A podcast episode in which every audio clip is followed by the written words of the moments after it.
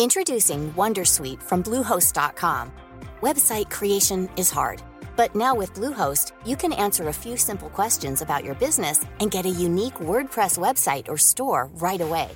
From there, you can customize your design, colors, and content. And Bluehost automatically helps you get found in search engines like Google and Bing. From step-by-step guidance to suggested plugins, Bluehost makes WordPress wonderful for everyone. Go to bluehost.com/wondersuite. Since 2013, Bombas has donated over 100 million socks, underwear, and t-shirts to those facing homelessness. If we counted those on air, this ad would last over 1,157 days. But if we counted the time it takes to make a donation possible, it would take just a few clicks. Because every time you make a purchase, Bombas donates an item to someone who needs it. Go to bombas.com slash ACAST and use code ACAST for 20% off your first purchase. That's bombas.com slash ACAST, code ACAST. Millions of people have lost weight with personalized plans from Noom, like Evan, who can't stand salads and still lost 50 pounds. Salads, generally, for most people, are the easy button, right? For me, that wasn't an option. I never really was a salad guy. That's just not who I am. But Noom worked for me. Get your personalized plan today at Noom.com. Real Noom user compensated to provide their story. In four weeks, the typical Noom user can expect to lose one to two pounds per week. Individual results may vary.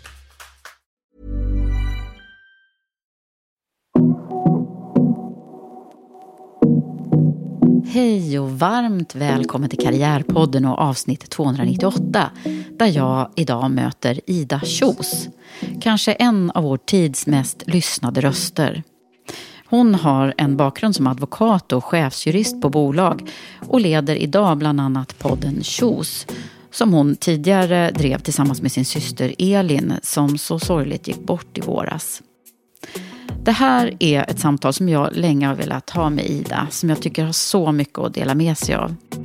Vi pratar om livet och vad som är viktigt på riktigt. Vi pratar om jämställdhet, feminism, om karriären, om att vara influencer, om advokatbranschen och om sorgen och hur livet kan målas i andra färger. Innan vi drar igång vill jag passa på att tacka Karriärpodden och Women for Leaders samarbetspartner Volkswagen Group Sverige. Tack för att ni gör det möjligt för oss att sända Karriärpodden och att jag får fortsätta lyfta fram förebilder och ha dessa samtal. Här kommer nu avsnitt 298 med min gäst Ida Kjos. Jag heter Eva Ekedal.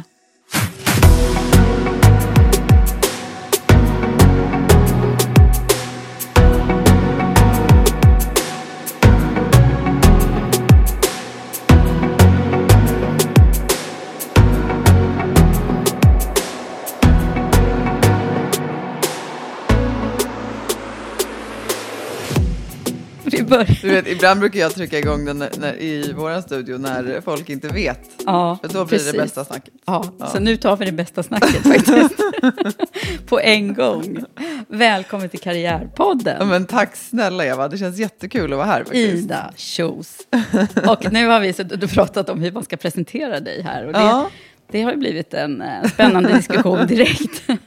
För då har det blivit allt ifrån, eh, nu ska jag läsa här, eh, jurist, eh, styrelseledamot, talare, skribent, poddare.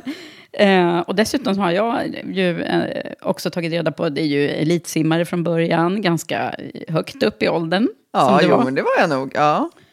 Ja, den som startade metoo-upproret, med vilken rätt? eh, Ja, det finns ju, den är ju jättelång. Man undrar så här, hur gammal är du egentligen?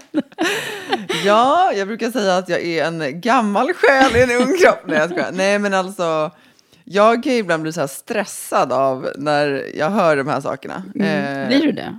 Jo, men ja, lite. Jag kan lite känna att så här, det säger en del om mig som person. Eh, att jag har haft lite bråttom, tror jag, med en del att grejer. Eller, eller med mycket. Jag tror att så här, jag har sprungit på ganska hårt genom livet. Eh, jag är ju ändå bara 35 än så länge. Eh, Så mycket du har hunnit göra, verkligen. Ja, på, jo, på pappret har jag hunnit göra mycket.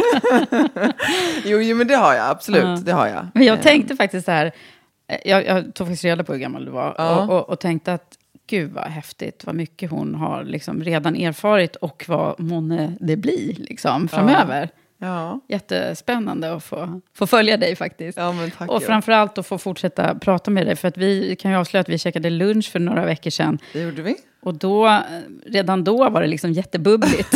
så att, eh, det känns som det kan bli ett härligt samtal där. Ja, och jag gillar ju det där när det är så att man bara möts och det liksom inte finns så mycket Ja, man, har, man har inte så mycket förväntningar, eller egentligen inga. Jag menar, jag, vi hade ju aldrig träffats tidigare. Mm. Eh, utan man kommer till ett möte och bara sätter sig och sen så flyter samtalet. Och Mm. det händer ju ibland med vissa människor. Mm. Eh, Men händer inte det ofta för dig då? Det händer ibland, men jag skulle inte säga att det är sådär att det hela tiden händer. Det tycker jag inte. Nej. Sen upplever jag att så här, det händer ju, ju- det är det här, vi kommer säkert komma in på det sen Eva, men jag upplever att här, ju mer sårbar och uppriktig jag är i mitt sätt att vara, ju lättare är det att få de mötena. Eh, det blir som att man liksom avväpnar situationen lite. Ehm, att man möts någonstans på riktigt. Ehm, och då tycker jag ofta att det är lätt att få kontakt med människor. Men alla vill ju inte mötas där. Nej. Ehm, så att, En del har liksom mer lager som Ja, man behöver precis. jobba igenom. Eller gard uppe eller liksom... ehm, Så och, så, och så är det väl liksom kanske särskilt i näringslivet. Alltså att, att man är sådär att man kanske ska vara på ett visst sätt eller föra sig på ett visst sätt. Mm. Ehm, och då kan det ibland såklart vara ganska svårt att komma folk nära, Ja. Ja men verkligen, alltså jag, jag känns som att jag har ju ändå tränat mycket på det här. Mm. Att, att liksom möta människor i, i, ja, som inte är vana vid och, Mm. prata om sig själva på riktigt sådär i första, och speciellt inte med mikrofoner med och sådär. Mm. Men det är, det är faktiskt så att eh, hur van talare så många är, Mm. är de väldigt ovana vid att, att prata om sig själva. Ja. Eller så lite obekväma. Men det, det börjar och för sig bli bättre och bättre, tycker Ja. jag. För att, det- jag tror att poddvärlden ändå har gjort en hel del nytta Ja. där. Att vi liksom har avväpnat många människor på något sätt. Att Jo man men det kan jag tänka mig. Ja, Ja, jag att man bara är det. den man är på något sätt. Ja men det kommer jag ihåg, jag vet inte hur du kände med det Eva, men för att jag och min syster hade ju en podd ehm, i lite drygt ett år. Och det minns jag att när vi skulle börja podda, då var vi ju, och kanske framför allt jag liksom, som då ändå fortfarande satt som chef på, på ett bolag som chefsjurist och kände väl att så här, men gud, hur ska någon kunna ta mig seriöst när jag liksom inte kommer säga rätt i varje sammanhang? Eller jag kommer liksom kanske inte låta, inom citattecken, smart. Nej, men vet, alltså det är ju sån liksom, hybris och, och liksom, som, att, så här, som att det spelar någon roll. Och jag tror att det är det man landar i till slut. Så här, va, who fucking cares? Alltså egentligen, vad spelar det för roll? Ja. Men jag tror att det där är också så här inbyggt i att så här, man, ska, man ska vara korrekt, man ska säga rätt saker. Och det finns ju någonting i, liksom, som för, för egen del kan jag säga har varit så otroligt förlösande i att bara så här, nej men jag säger konstiga saker och jag har inte alltid ett rätt språk. Det är bara så jag är, det är en del i att vara människa och att så här, tillåta sig själv att vara det är ju väldigt skönt. Ja, verkligen. Att inte behöva tänka på hur det uppfattas Ja, av andra.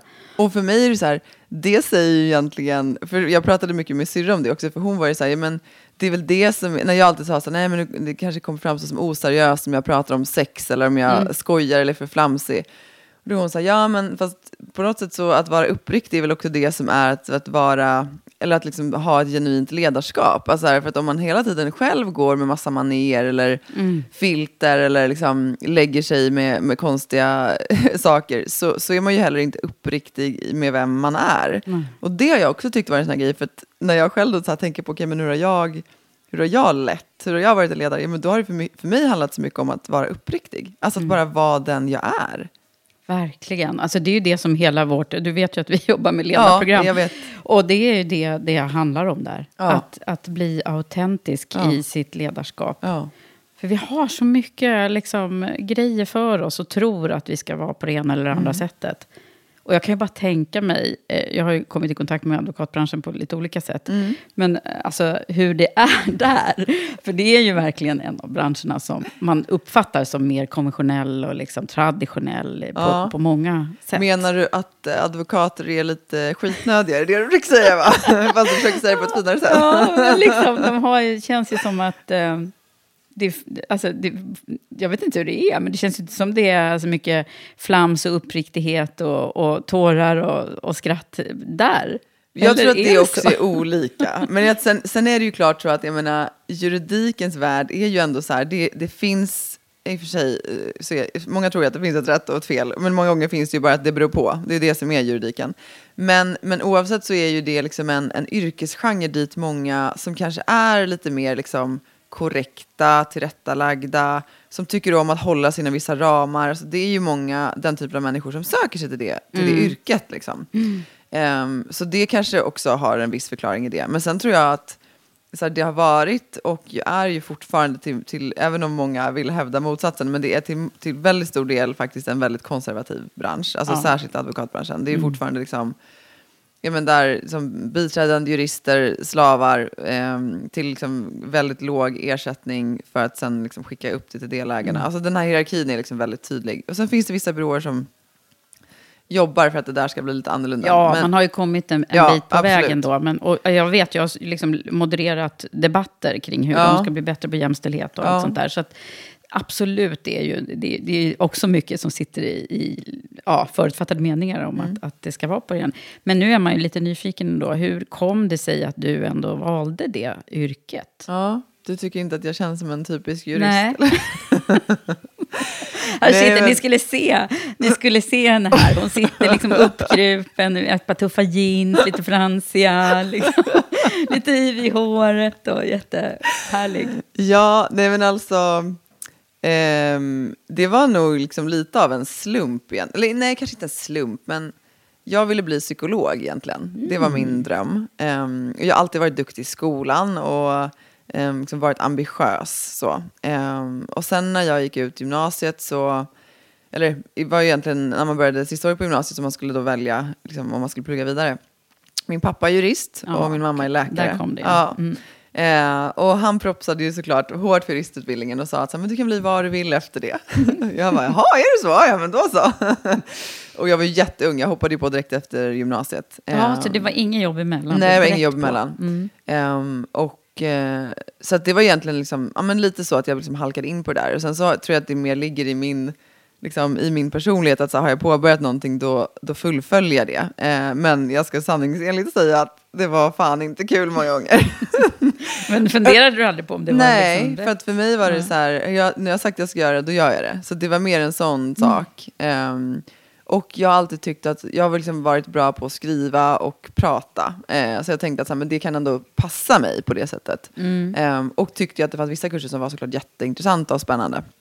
Men sen var det liksom bara att det rullade på. Och sen så förstod jag ganska tidigt att jag var väldigt mycket yngre än de andra som gick där. Och då blev det som att ah, jag kanske kan bli en av de yngsta i Sverige. Eh, så då blev det liksom Det som en, som en morot. Ja, men, nej, men lite så. Mm. Men vilket ju också är så här, det var ju en sån sak som jag var väldigt stolt över länge. Och som jag också fick liksom, ja men, mycket, många i min omgivning tyckte också det var väldigt häftigt att jag blev en av de yngsta i Sverige. Men det är en sån sak som så här, nu när jag är lite äldre och i liksom ett retroperspektiv, jag kan känna att så här, jag hade ju inte riktigt förstått vad advokatyrket handlade om egentligen, för att ingenting om jag själv skulle anlita, eller, och det gör jag ju, jag köper juridiska tjänster ofta, men, men då går jag ju liksom inte till den yngsta advokaten i Sverige, utan då går jag ju kanske snarare till någon som är betydligt äldre. Alltså, men, men det förstod jag ju kanske inte riktigt då. Men det är väl mer, liksom, ja, men återigen då, så här, det blir tydligt i liksom, att jag haft, lite, att jag haft bråttom, liksom, att jag hela Ja. tiden har velat någonstans. Ja, men det är skönt att ha liksom den grejen i ryggen nu. Ja, jo Mm. absolut. Och det är ju såklart jättehäftigt att ha gjort Ja. det. Var det så att du blev en, den, den yngsta? Eller? Nej, för samma år så tror jag, tror jag att det var en som liksom kom in samtidigt. Så det, vi var väl två som liksom var 26 eller vad vi nu var. Ja. Ja. Och nu finns det säkert många som är betydligt yngre. Så jag är absolut inte den yngsta. Även om jag vet att flera tidningar ibland har skrivit att, att det är så. Men det är väl för att det låter häftigare. Men Mm. det stämmer alltså inte. Nej, okej. Men sen jobbade du ju där på byrå ett- Ja, ett men det tag. gjorde jag absolut. Mm. För, att, för att bli advokat så måste man ju först ehm, vara yrkesverksam på en advokatbyrå. Tidigare var det fem år, men nu är det tre år. Mm. Ehm, för att liksom kunna sen då söka in till eh, advokatsamfundet och bli ledamot. det. Så det är liksom, först gör du utbildningen Och sen gör och man sen ja. jobbar man då Mm. liksom, ja, fysiskt på, en, på en byrå. Eh, så det gjorde jag ju några år. Jag jobbade ju som, eh, eh, som advokat inom, eh, ja, men inom näringslivet, alltså med, affärs, Mm. med affärsjuridik. Mycket med M&A och den typen Mm. av eh, större affärer. Mm. Så att, men det fanns också någonting i det som, det finns mycket så här tävlings instinkt i den där branschen. Och det var ju en sak som jag tyckte var jättekul när jag var yngre. Alltså det var liksom, man jobbade hårt, man kavlade upp armarna. Mm. Och vad, vad, vad är det man mäter då? då? Nej men du mäter ju timmar. Eh, och sen såklart om du liksom... Arvoden? Ehm, ja, eller alltså det, tänker du det man mäts på? Mm. Eller, ja, för, för, och det är ju snarare så här, men hur väl man liksom stänger en affär. Eller eh, också mycket så här i förhållande till... Säljare egentligen hela. Alltså det blir egentligen mer när du blir liksom efter att du har blivit advokat och när du blir lite mer senior. För att Mm. många byråerna funkar ju så att det är de äldre som drar in klienterna och det är de yngre som, Mm. Som liksom. Mm. gör jobbet. Och sen är det oftast delägarna som kanske frontar när du ska stänga en större affär Mm. eller sådär. Eh, och är med liksom och checkar av och liksom ger kvalitetsstämpeln. Som, Mm. Det är lite som i min bransch faktiskt också. ja, det är det. Mm, ja. men i Headhunters gråt Ja. så är det lite så. Ja, ja. Mm, det påminner en del om det. Man, det är mindre konstellationer ju som jobbar oftast. Ja, men så är det ju. Mm. Ja, och så jobbar man ofta i team och sådär. Ja. Men det finns massa roliga saker med att arbeta på det sättet. Men jag tror, för mig blev det också ganska så här, jag blev ju gravid med mitt första barn ehm, när jag var 28, nej 27, 28 någonting. Jag, jag minns inte exakt. Ehm, och då blev det liksom ganska tydligt för mig att det skulle vara svårt att så som jag ville vara förälder, alltså närvarande förälder, eh, att vara det samtidigt som jag hade den här typen av jobb. Ja, och det är där man tappar väldigt många kvinnor. Ja, så är det ju. Eller generellt sett i alla branscher, men, Ja. men kanske extra mycket där. Ja, nej, nej, Mm. men min dröm var ju att bli delägare. Det, det var ju liksom det jag hade siktet inställt på. Ja. Men det kändes ju bara som att nej men gud, det, det, är, det är inte Funkar intressant inte. Mm. längre. Nej, men, och, nej, och det var ju då heller inte någon dröm jag ville ha. Alltså för att jag såg ju också att även delägarna jobbade ju väldigt mycket. Mm. Mm. Ja, det här med mammalivet, det brukar du prata en del om. Ja, det, nu kanske det var ett tag sedan. Jag, eller Ja. menar att jag pratar om det i podden kanske. Ja, det kanske jag gör. Nej, men jag tänker på det här med liksom att, göra, att, vara, att göra karriär och Ja. ha barn och eh, liksom Ja. vilja mycket på alla fronter på något Ja. sätt. Vad tänker du kring det? Nej, ska vi gå Alltså, in? Vi kan gå in i det. Vi kan gå in Alltså- i det. Det, det. det känns också som ett ämne som dyker upp här lite då och då. Eh, Men eh, vi har haft event om det också i. Women for Leaders, där vi diskuterar det här, därför att vi tycker att karriärmorsan ska Ja. kunna vara en, en, eh, en cool grej och Ja. eh, inte så belastad av olika tyckande. Ja. Och det vet jag att du också är inne på det spåret. Att man liksom, vi har så mycket tankar om vad, vad man borde och inte borde och så vidare. Ja, men jag, jag tror att så här, för, för mig handlar det nog mer om att, så här, att alla ska få göra det de själva vill. Alltså, ju äldre jag blir så, jag, jag jobbar mycket på att här, bli mindre och mindre dömande. Alltså det finns människor som inte vill någonting hellre än att göra karriär. Det finns människor som inte vill någonting hellre än att bara vara hemma med sina barn och aldrig mer jobba en dag i sina liv. Och för mig är det så, jag skulle vilja att de två ytterligheterna fick, ex, alltså fick samexistera och att man inte dömde det ena eller det andra. Och att det liksom kanske inte fanns något rätt eller fel, utan att det fanns utrymme för att göra vad man nu vill göra. Eh, det som känns rätt för en själv. Jag tror för mig har det väl många gånger varit att, jag menar, att, att få göra karriär, det betyder ju också väldigt olika för olika människor. Eh, sen är det ju också så att det finns ju det finns ju många jobb där du liksom jobbar otroligt många timmar men du kanske egentligen inte tjänar så mycket pengar. Eh, så det är också en sån här sak, för jag tycker ibland att det blir så här äh, knepigt när man pratar om att, att göra karriär. För, för jag har ju också många vänner som har jobbat lika mycket som mig men som inte alls har liksom avancerat på samma sätt i liksom näringslivshierarkin eller i lönehierarkin. Som ju för den saken skulle fortfarande gör karriär och lägger jättemycket tid på sina karriärer. Ehm, Alla har ju en karriär brukar jag säga. Ja, men för, precis. För en del säger så här, men jag har ingen karriär. Men alla har ju en karriär. exakt.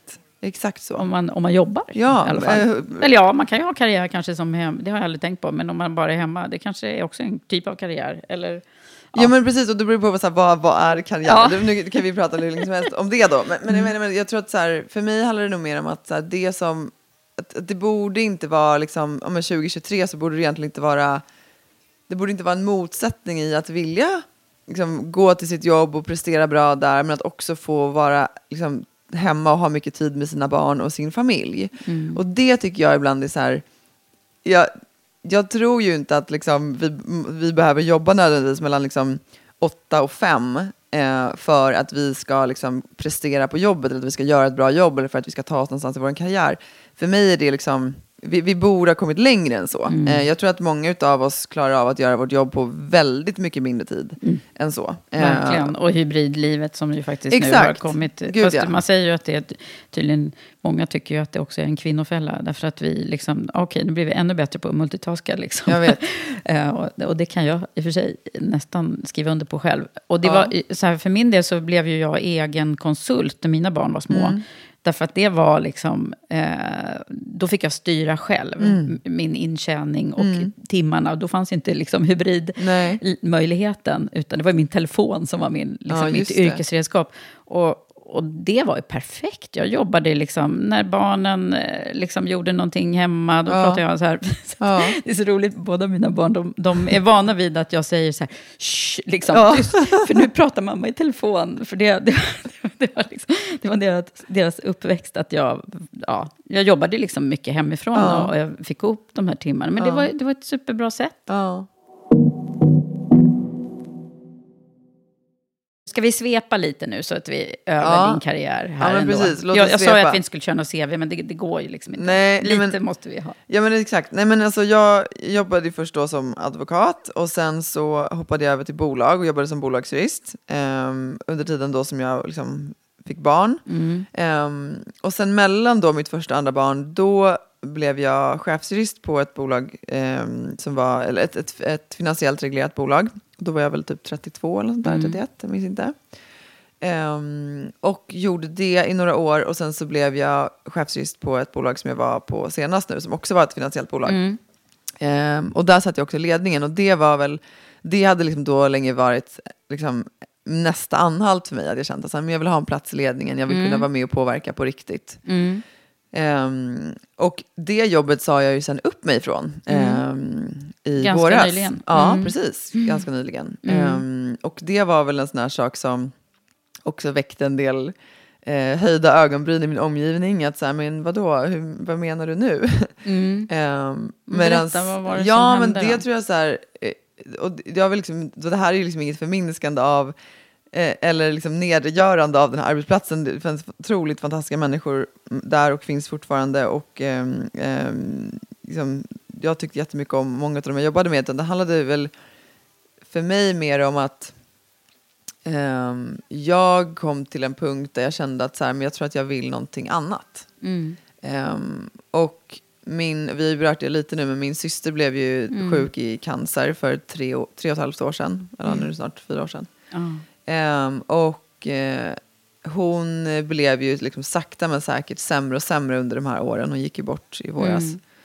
Och då blev det också för mig väldigt tydligt i att alltså det blev en ganska tydlig kontrast kring att liksom, tiden jag ville spendera med henne och spenderade med henne när jag kände mig liksom väldigt närvarande och saker var verkligen på riktigt till att det här stressen i att liksom så här, "Ja, har vi hunnit göra klart styrelserapporten och sitta sent på kvällarna tills liksom ögonen blödde och, och sånt som egentligen inte är på riktigt. Alltså nu får ni missförstå mig rätt här, men saker och ting Det ställer sig på sin spets. Ja, alltså det är, liksom, det är oundvikligt att det blir så. Och för mig blev det då ganska tydligt i att så här, men jag lägger så otroligt mycket tid på mitt jobb. Och jag har tyckt att det har varit fantastiskt kul många gånger, men det tar också tid från saker som jag hade velat lägga tid på. Ehm, och då så tror jag att så här, det är klart att den enkla vägen då hade varit så ah, men kan du inte bara chilla lite eller ta något annat jobb, men men det är också lite så här synonymt med vem jag är som, som person. Att så här, nej men nu, nu, bara, nu hoppar jag av det här Mm. eh, ett tag. Eh, så då gjorde jag det och eh, har ju... Så bra att du gjorde det. Ja, alltså jag Ja, känner mig stolt känna över här, det också. Det, det, det, det var lite det jag tror jag skrev till dig också. Att jag Mm. skulle önska att vi verkligen kunde sätta en titel på det här avsnittet. Så här, Vad är det som är viktigt på riktigt? Ja. Eh, och det, det, här är ju en sån punkt. Och, Ja. jag, och jag berättar ju för dig, jag har ju också en, Ja. en punkt i livet när det liksom, nej men jobbet blir så himla Mm. oväsentligt. Alltså det är ju en viktig del av våra liv, kanske en av de viktigaste pusselbitarna för att vi Mm. ska må bra. Men det är ju samtidigt så här, när det blir så där, Mm. att man bara känner så här, nej men jag vill bara vara här och nu med, min, med de jag älskar. Och liksom, Mm. eh, då, då blir det ju så. Mm. Så att man önskar lite att man hade den här känslan kvar i kroppen eh, Mm. för alltid. Att, att man känner det här, vad är det som är viktigt på riktigt? Jo, jag tror man måste påminna sig om det hela tiden. För att, Mm. Men när man har den känslan så blir också beslut inte så svåra. Nej. Alltså jag, menar, jag vet ju att hade jag tagit ett sånt här beslut, alltså, okay, men nu sitter jag här på den här positionen som jag har jobbat för i alla de här åren. Min tanke var ju att jag sen skulle bli vd. Eh, det var liksom vad jag ville i framtiden. Ehm, men att då så här, kunna bara liksom se på det väldigt nyktert i att så här, okej, men om jag inte vill det här just nu, varför gör jag det då? Varför lägger jag tid på det här? Varför investerar jag min energi? Och jag tror att så himla många, jag menar, eller det vet vi ju, det visar ju undersökning på undersökning att det är så många som inte trivs på sina arbetsplatser. Att man inte är, man känner sig inte engagerad, man är inte nöjd, man är inte tillfreds.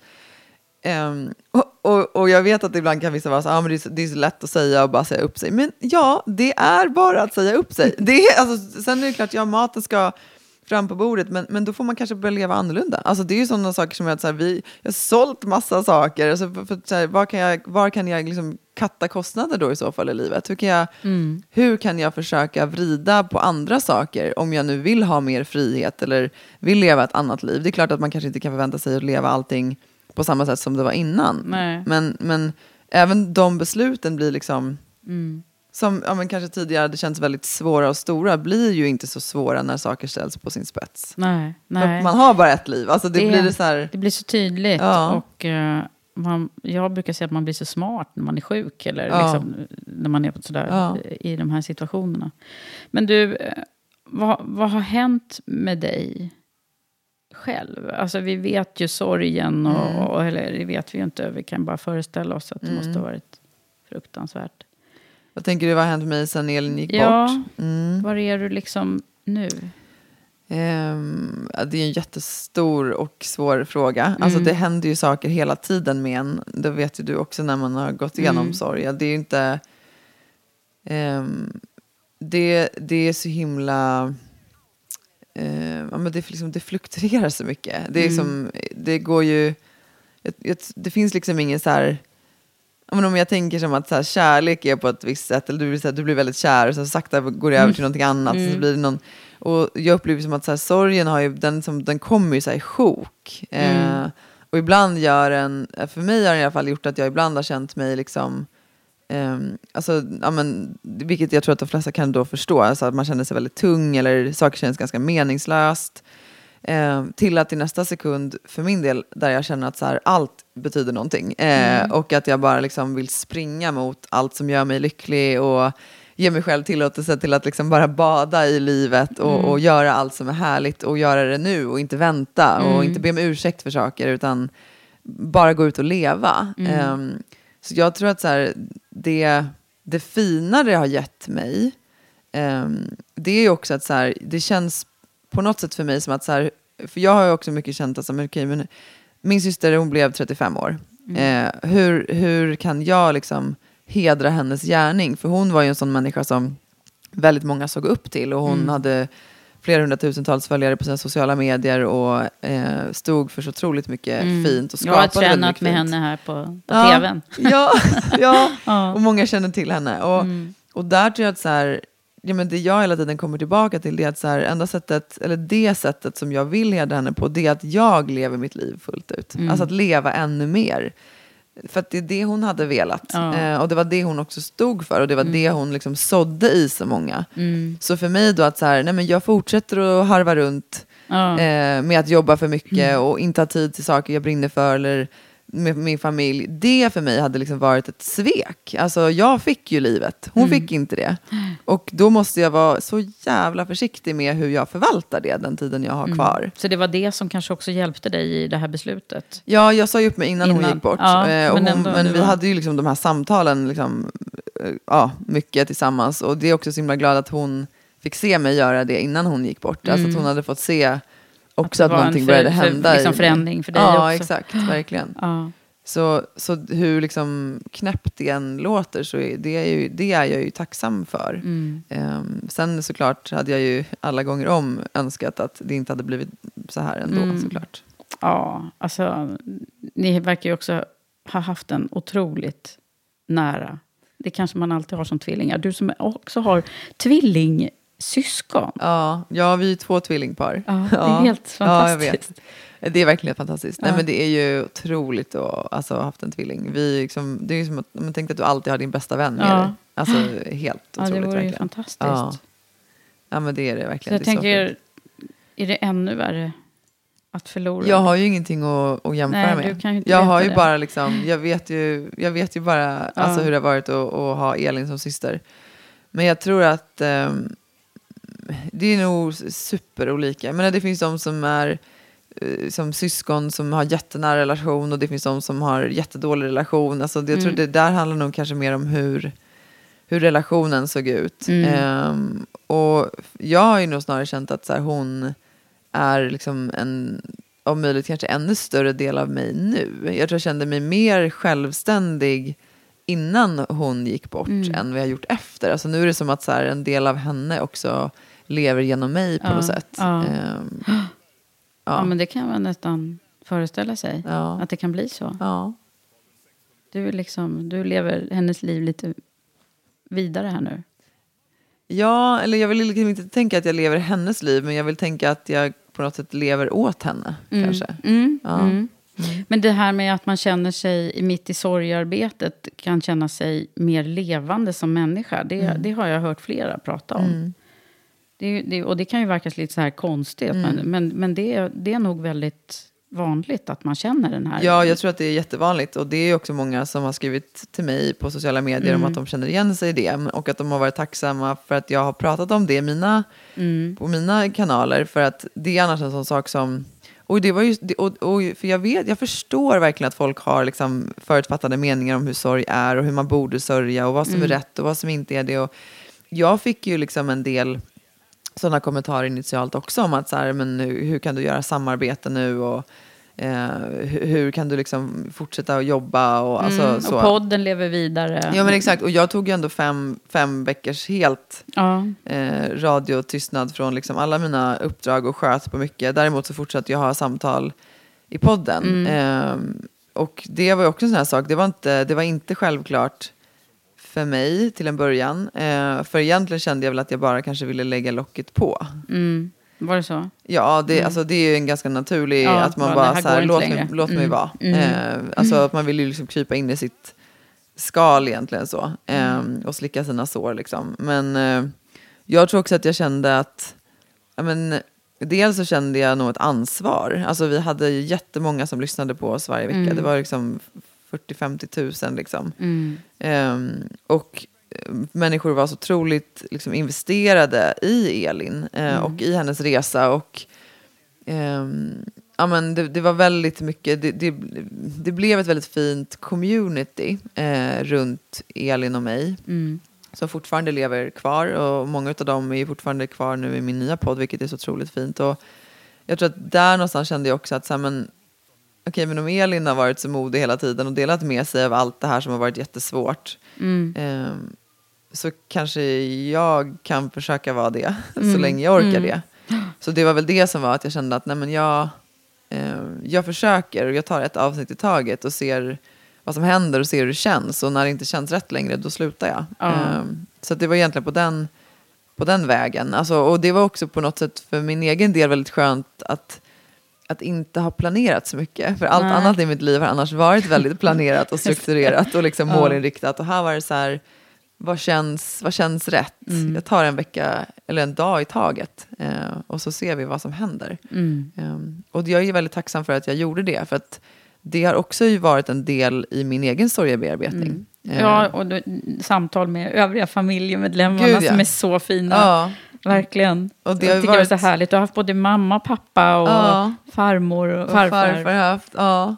ja. Och jag hade min syrra Emma och sen har jag haft en präst och en psykolog och så sköterska från en palliativ vårdavdelning. Och, nej, men det blev så mycket, otroligt många fina samtal. Mm. Ehm, Och det här är ju någonting som vi inte är så bra på att prata om heller. Liksom, hur ska man hantera och vad ska man göra och hur tänker du? Och ja. all, alla de där frågorna tror jag är någonting som... Jag märker det verkligen i... eh, Jag är ju samtalsterapeut, men nu Mm. jobbar jag ju inte som det nu. Men eh, i vårt ledarprogram Ja. eh, så är det ju så att när vi träffas där så, så träffas vi ju som människor Ja. eh, och inte som CVn. Ja. Eh, första, eh, nu ska vi faktiskt starta nästa vecka, så det ska bli väldigt spännande. Jag ska inte berätta alla hemligheter eh, som kommer hända. Men, men det det handlar om är att, att eh, på något sätt så lyckas vi få fram eh, det där väldigt tidigt, fast vi inte känner varandra. Och då kommer det ju liksom fram att man hade aldrig kunnat ana att alla människor har liksom sin historia. Alla som. Ja. eh, det behöver inte vara så här att alla har massa dramer och liksom sorger. och Så, men det är ofta saker som liksom ligger där långt Gud, ja. nere. Som vi ibland aldrig överhuvudtaget pratar om själva. Eller liksom, framförallt kanske inte på, på sina kollegor. Nej. Eller, och det blir, det blir på något sätt för, så förlösande. Alltså. Ja. För att man, man blir på något sätt... Det där teamet som har träffats några dagar, Ja. De känner varandra så väl efter Ja. de här dagarna. Ja. Nej, men jag tror att det där, för jag har reflekterat mycket kring det där också, och jag tror att det är ju ett problem i arbetslivet att det ser ut så där. Eh, alltså att vi inte... Jag tror många gånger också, dels är det så här, vi pratar för lite om sorg och saker som är svåra och jobbiga och det gör att också människor tycker att det är svårt att veta hur man ska bemöta det. För det märker jag. Alltså, allt ifrån om någon har varit utbränd eller psy- psykiska problem, vad den är, så tycker man generellt att det är svårt att prata om sånt med andra människor. Alltså, du tycker att det är, det är inte bara den som berättar om det, utan det är också mottagaren. Så, här, okej, men vad säger jag? Vad är rätt? Vad är fel? För det också, blir också väldigt tydligt, har varit det också under åren som Elin var sjuk, att vissa människor nästan så här undvek en för att de liksom visste inte riktigt vad de skulle, skulle. Mm. vad de skulle, liksom, hur de skulle förhålla sig. Och, där är så här, och, och det är samma sak med sorg eller vad det än är. Och, det, och jag har alltid tänkt att så här, ställ frågan. Mm. Alltså, jag, jag har förstått att du Mm. har varit med, jag har förstått att du har varit med om, om någonting väldigt jobbigt. Vill du prata om det? Mm. Om du inte vill det så behöver vi inte prata om det. Nej. Så säger jag till mina medarbetare och de som jag har haft i mitt team. För att all, som du säger, alla bär på någonting. Mm. Och ibland är saker jättetunga och ibland vill man prata om det och ibland vill man inte det. Mm. Men att någonstans hålla space för att det är okej att också prata om det. För jag tycker ibland att det känns som att så här, det där är sånt som man ska sköta i hemmet. Det ska inte påverka ditt jobb. Mm. Utan borsta av det där. Vill du ha hjälp så fixar liksom bolaget en psykolog som du kan ta vid sidan av jobbet. Men på jobbet så är det jobbet och då sköter vi det. Men, men så funkar inte livet. Nej. Och så funkar inte heller inte... Jag menar, om man ska bygga ett team, för mig är det liksom A och O att det finns förtroende. Och förtroende, det skapas ju genom att man känner att man kan lita på varandra. Mm. Och för mig blir det också, ja, men som i nästa steg, då, att så här, okay, men om jag kan vara transparent med saker som jag tycker är svårt eller jobbiga eller som jag mår dåligt över, ja, men då skapar jag förutsättningar för mitt team att komma till mig och säga, vet du Ida, det här är en uppgift som jag tycker är för svår. Mm. Jag menar, mardrömmen är ju att ha medarbetare som inte Som inte säger som inte säger någonting. någonting. Eller som inte vågar fråga. Eller när man mår dåligt, inte säger det utan man bara försvinner och hittar på en ursäkt. Då har man inte, liksom, det är inte ett välfungerande Nej. team. Nej, men man, och det är så här, nu pratar vi ju jättemycket i alla ledarskapsforum om tillit. Mm. Eh, Och då, hur skapar man den här tilliten? Mm. Och vad är det man, om man lyckas, för det är det jag ser hända i den här, jag har ju sett det nu varje år, Mm. liksom, hur, det, hur det är liksom ett experiment i, i, i grupputveckling det här. Mm. Eh, därför att efter den, de här, när man liksom har lärt känna varandra, då kan man skapa man kan lösa så mycket mer komplexa Mm. uppgifter. Om man, det finns ju något som heter tillitsspiralen som, som är så sann. Alltså. Mm. Eh, för det är det som händer. Att då litar man liksom, och man vågar säga just det där som du sa, det här är för svårt för mig, eller nu fattar jag inte. Mm. Eller, eh, eller också se varandra liksom, på ett annat sätt än vad man gör Mm. Verkligen. annars.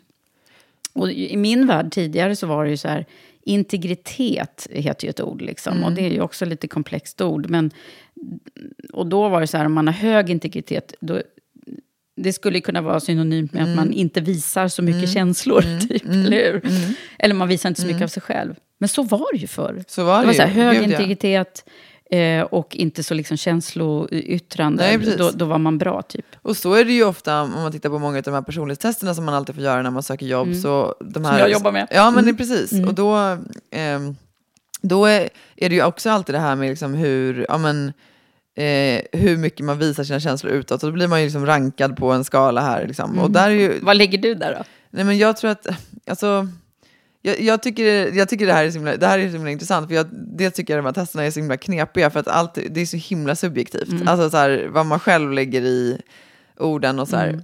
Men jag tror att jag ligger ganska mycket i mitten. Jag, jag tror nog så här, jag har, jag har noll problem med att liksom visa känslor, men, men jag har heller inget behov av att, alltså jag vet inte hur jag ska förklara det. Jag tror att jag är på, liksom, i min, har varit då i min yrkesroll sårbar när, när liksom, jag tycker att det har känts lämpligt. Men jag har liksom inte så här, jag menar stå på ett styrelsemöte och ska presentera någonting och jag tycker att någonting är svårt. Nej, då har jag ju kanske inte sagt att så här, jag tycker det här är svårt, utan då har jag nog liksom försökt att så här, Mm. situation. eh, men att jag kanske har liksom visat på att så här, det här är en fråga som har varit utmanande och jag skulle uppskatta om vi kunde sätta upp en tid för, ehm, för liksom, ja, att ha en workshop eller att vi kan bolla tillsammans med styrelsen för att jag skulle gärna vilja ha er input. Alltså det är ju att visa på en sårbarhet utan att räcka upp på handen och säga att så här, jag tycker det här är svårt. Så för mig är det så här, det beror lite på vilka Ja, men det sammanhang där det är är. också, eh, det är ju självskattningsformulär de här Ja, ja, ja, grejerna. verkligen. Så det är ju verkligen så här, det är precis som du säger. Det, det, sen jämförs man med normgrupp och sådär, så, att Ja. det finns ju absolut vetenskaplighet kring det här. Men jag är ganska,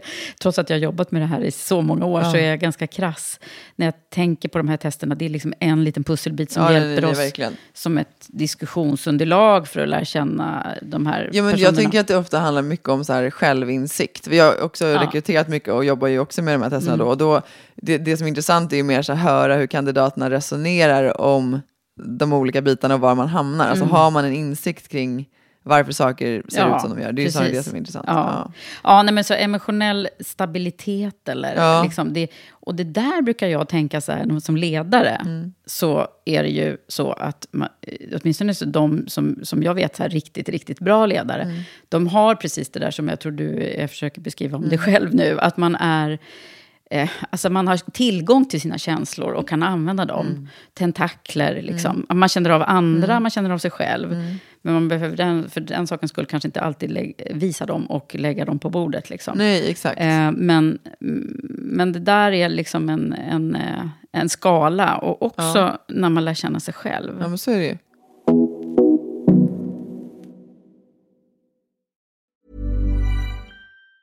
Say hello to a new era of mental health care.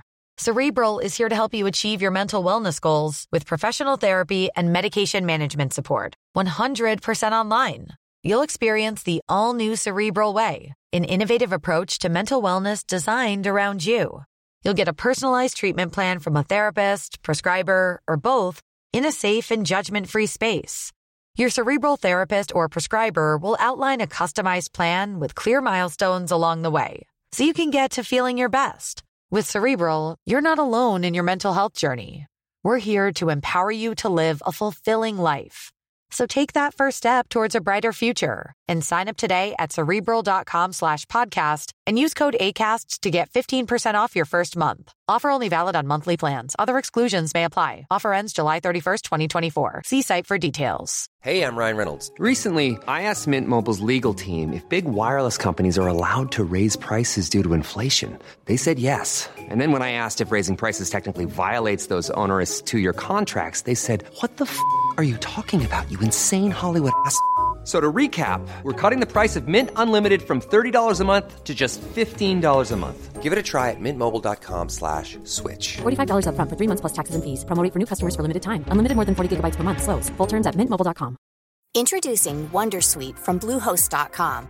Website creation is hard, but now with Bluehost, you can answer a few simple questions about your business and get a unique WordPress website or store right away. From there, you can customize your design, colors, and content. And Bluehost automatically helps you get found in search engines like Google and Bing. From step-by-step guidance to suggested plugins, Bluehost makes WordPress wonderful for everyone. Go to bluehost.com/wondersuite. Millions of people have lost weight with personalized plans from Noom, like Evan, who can't stand salads and still lost 50 pounds. Salads, generally, for most people, are the easy button, right? For me, that wasn't an option. I never really was a salad guy. That's just not who I am. But Noom worked for me. Get your personalized plan today at Noom.com. Real Noom user compensated to provide their story. In four weeks, the typical Noom user can expect to lose one to two pounds per week. Individual results may vary.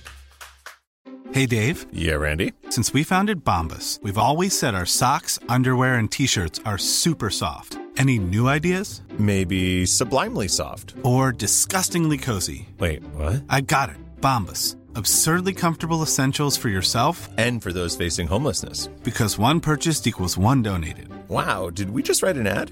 Yes. Bombas. Big comfort for everyone. Go to bombas.com slash ACAST and use code ACAST for 20% off your first purchase.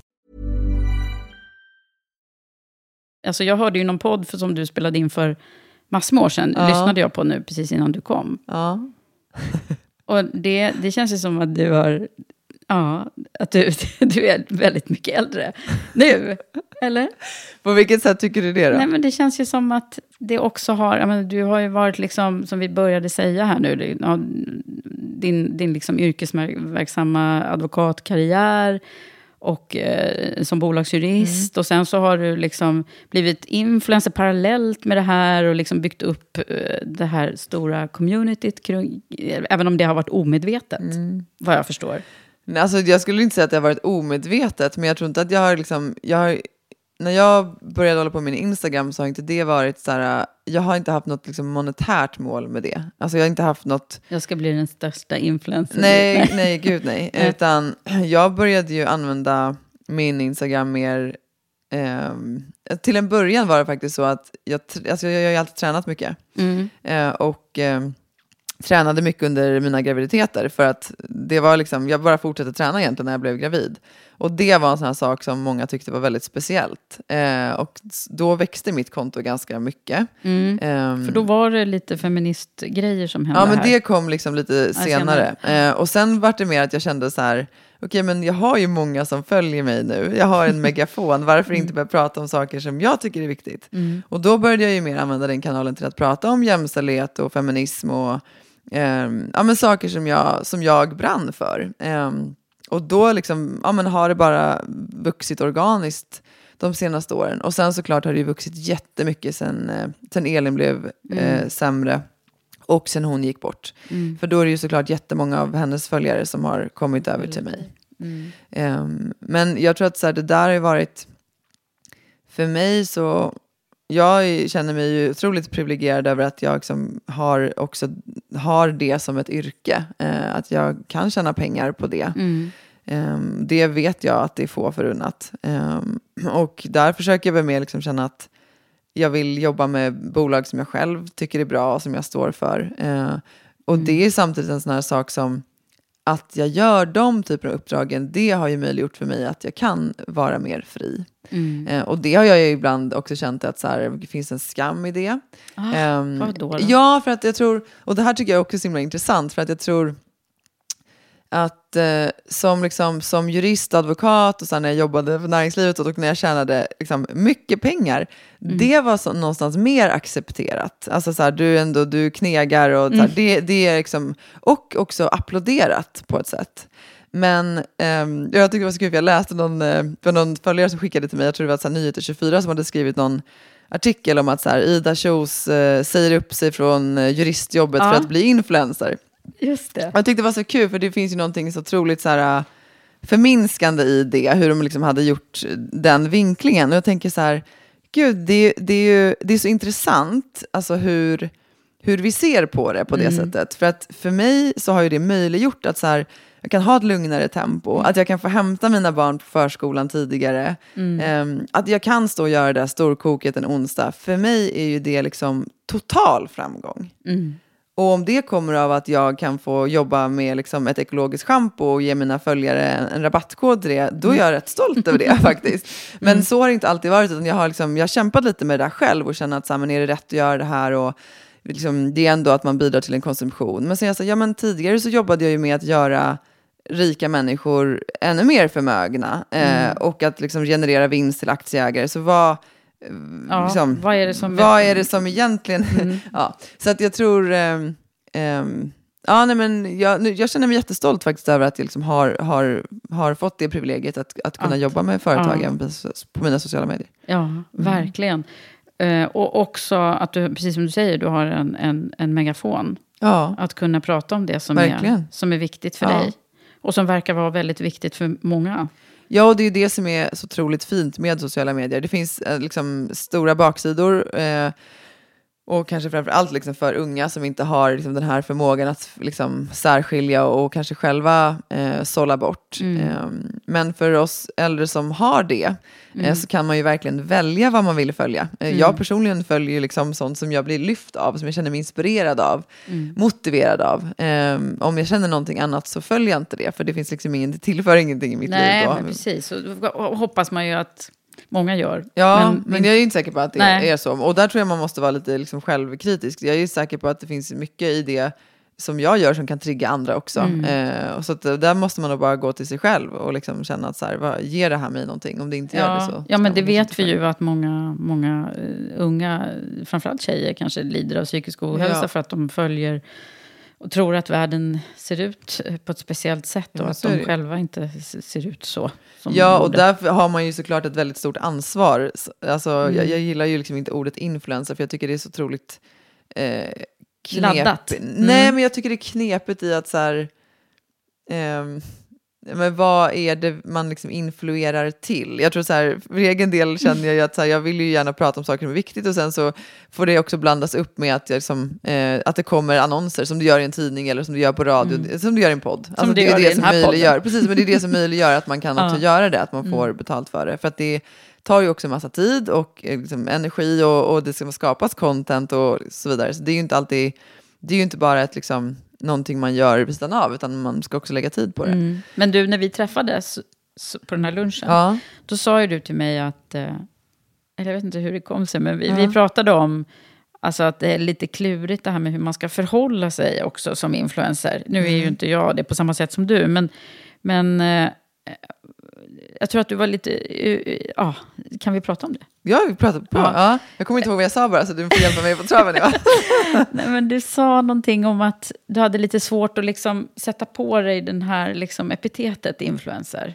Jo, men det, ja, och det tror jag väl kanske också för att jag, jag, jag tycker att så här, det är liksom den genren då, att det, det, det finns ju, och det jag tycker också så här, för det blir på ett sätt som att jag sätter mig på en höger häst, eh, så jag vill vara försiktig med liksom Ja. hur jag uttrycker mig i det här, Mm. för att jag menar inte att jag på något sätt är liksom en bättre influencer, det är inte det jag försöker säga, utan jag, jag tycker bara att så här, en, en del av oss då, jag får väl ändå liksom säga att jag tillhör Mm. den skaran, ehm, kanske inte tar så himla stort ansvar för vad för bild man sänder ut. Och det tycker jag är lite problematiskt. Mm. Ehm, alltså att, liksom, att saker och ting bara är superfint och flådigt och att man alltid är supersnygg. Eh, och, och, liksom sådär. Och, och så ser ju inte livet ut. Så jag försöker tänka på det och jag vet att jag också säkert kan bli mycket bättre på att visa upp ännu mer. Men det är också en sån här sak, alltså jag orkar inte visa upp allting och någonstans så vill man ha ett privatliv också. Men, Ja. men det här med att liksom försöka vara autentisk. Mm. Att, ehm, jag är ofta osminkad till exempel, för att jag är ofta osminkad. Och då Mm. ska det vara väldigt konstigt för mig om jag liksom sminkade mig för att jag skulle lägga upp någonting på min Instagram. Det, det Mm. skulle vara väldigt verklighetsfrånvänt.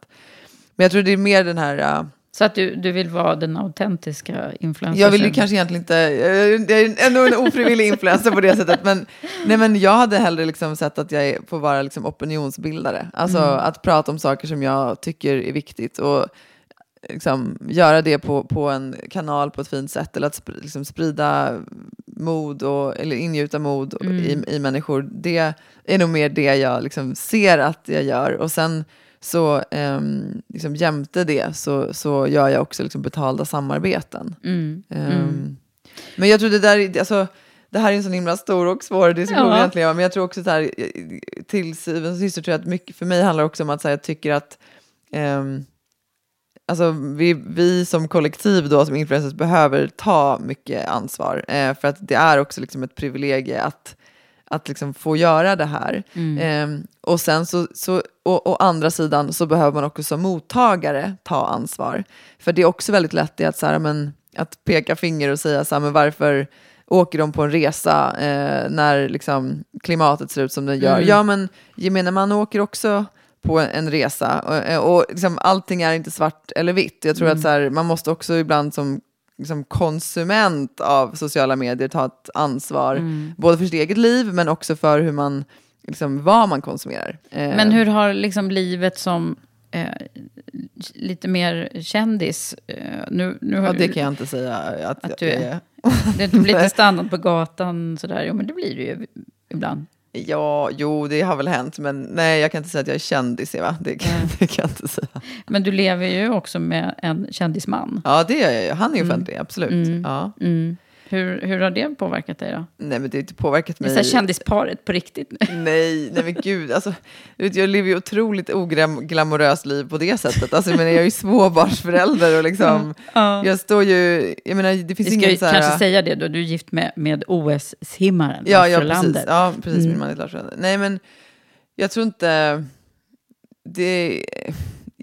Jag, tror inte så här, jag lever inte på något annat sätt. Alltså, du vet, så här, det är fortfarande, jag är med i liksom våra föräldrakooperativ i, i, i förskola och skola och Mm. städar på skolan och liksom står och hejar på, på ridningen och hjälper till att sadla hennes hästsvalor. Alltså du vet, det är, ingen, det är liksom ingen Mm. Skillnad det är i det som är det sköna med, med dig som influencer skulle jag vilja säga. Att du är så, för då är du ju liksom på riktigt. Verkligen, det är när det går överstyr som åtminstone jag har lite bekymmer när det liksom... Ja, men precis. Ja. Och, och det kan du ju göra för alla människor, oavsett om du är influencer eller inte, när det går överstyr. Alltså, menar, det finns ju exempel på väldigt många framgångsrika människor det, där det har gått det- väldigt mycket Ja. överstyr. Så Mm. jag tror, alltså, Men, Ja. men kan du känna någon rädsla för det? Att det skulle kunna gå överstyr? nej, jag känner faktiskt inte riktigt det. Eh, jag, där känner jag ändå att så här, jag har liksom en ganska stark inre kompass som Mm. hittills har eh, liksom, hjälpt mig och, och guidat mig väl. Så att Det så länge känns jag... ju verkligen som du har det. Det har jag också tänkt på. För nu har man ju fått smyglyssna lite på dina föräldrar och, Ja. och liksom sett hela sammanhanget. Det känns ju som ni har en väldigt bra eh, plattform eh, i familjen. Ja, vi, alltså, vi har haft en jättebra uppväxt och liksom, Mm. med, liksom väldigt ja, men bra hemifrån. Så. Mm. mycket stöd och stöttning. Och, ehm, så att, ja, nej men verkligen. Men hur är det här att vara liksom två tvillingpar då, som Mm. har varit? Hur, hur har det varit liksom? Ja, men det har varit liksom eh, mycket. Man undrar så här, hur har mamma pappa ja, men det är ju sådär, det är så roligt för när man själv fick barn så hade liksom, vi fick ett barn då, som, jag har ju två barn, men Ja. jag var bara så här, men hur, alltså, hur, Hur gjorde hur gjorde de? Alltså, då, för, men det är också intressant, för när man hade ett barn, det var ju liksom jobbigare än att ha två nästan, för då, då var ju allt nytt och man Ja. visste ingenting och sådär. Men eh, nej, alltså, det är det här som också är så kul, för både jag och, och min lilla syster Emma, då, vi har ju frågat mamma och pappa om det här väldigt många gånger, så här, Mm. men hur löste ni det och liksom, vad hade ni för rutiner och hur, liksom, hur fick ni ihop det? Så här? Nej men alltså ni var jättelätta, ni sov alltid och ni var aldrig ledsna. Och, du vet, för de jämför då med hur våra barn är. Det är Ja. att, nej, alltså ni måste ha liksom förträngt den delen, för jag tror inte på det där. Nej. Men eh, jag, jag tror att det snarare är så att mamma, det, det var så mycket så att mamma kommer inte ihåg. Nej, nej man, det där, det, jag tänker också att allting var bara, bara snälla barn. De bara sov och åt. Men liksom. det är väl också underbart att det är det man minns, eller hur? Ja. Mm. Man tar med sig de liksom, fina och goda stunderna eh, av, av småbarnsåren. Men vad är det vi- viktigaste präglingen tror du som du, det här brukar jag faktiskt fråga mina gäster, Eh, vad, vad är det liksom viktigaste som, som du har fått med dig från din uppfostran, som du nu eh, tänker på när du själv är förälder? Som jag tar med mig in i Ja. mitt föräldraskap. Mm. Eh, gud vad svårt. Jag tror att, eh, ja, men en sak är ju så engagemang, men jag vet inte om jag skulle säga att det är liksom någonting jag tar med mig in i mitt föräldraskap. För båda mina föräldrar har alltid varit väldigt engagerade i saker och i oss. Jo, i och för sig. Det, jo, men det kanske de är, är det. politiskt aktiva Ja, båda är också. politiskt aktiva. Mm. Ja. Ehm, nej, men de har också varit, liksom varit ja, men pappa startade till exempel en skola i, i vår kommun när vi var små och det är den skolan som eh, vår dotter går på nu till exempel. Mm. Ehm, nej men jo men det kan nog vara en sån sak, alltså att det, liksom, det spelar roll med engagemang. Mm. Eh, och att liksom alla har en röst eh, och att det är viktigt att använda den. Mm. Det är en sån sak som vi fick lära oss tidigt och som vi har sett liksom, ja, men också fysiskt prov. Alltså vi har fått se det. Eh, allt ifrån att så här, men pappa alltid liksom räckte upp handen på föräldramötena eller var med och drev saker. Eh, och också mamma sett hur hon engagerat sig liksom i hon har jobbat och jobbar fortfarande med eh, elever som har det svårare. Hon är specialpedagog och liksom alltid gått over and beyond. Eh, Mm. liksom åkt hem till familjer och alltså, ja, men varit liksom väldigt, väldigt engagerad. Så det tror jag är en sån sak eh, Mm. som jag känner. Ja. Engagemang. Ja. Det är ju verkligen det som du också, att vara engagerad, det är ju det du är nu, tänker Jo, jag. men det är också härligt att vara det. Ja. Alltså, man känner sig ju ofta uppfylld när man får engagera sig i någonting. Det är då, ja, men det uppstår ju de här liksom, momenten där man känner de här ja, men, blissfulness. Alltså det finns böcker skrivna där också, men där det också finns ett flow. Alltså där man känner att så här, man, ja, men, någonting känns meningsfullt. Eh, Vad är det roligaste du gör nu då? Åh, vilken svår fråga. Eh, för jag gör ju ganska mycket olika saker nu, men, men podden är, är fantastiskt kul. Alltså det är så otroligt, och det, så, det känner ju du igen Eva, det är så fint att få liksom träffa olika människor och mötas där man möts och se vart samtalet landar. Alltså det är ett äventyr varenda gång. Eh, Och det pratade du och jag om att vi är lite lika Ja. där, att vi inte gillar färdiga frågor. Nej, exakt. Alltså, det, jag tycker det är så otroligt häftigt i bara det här liksom, mänskliga mötet och se vad händer. Liksom. Eh, om man bara är närvarande, för att det händer ju alltid någonting.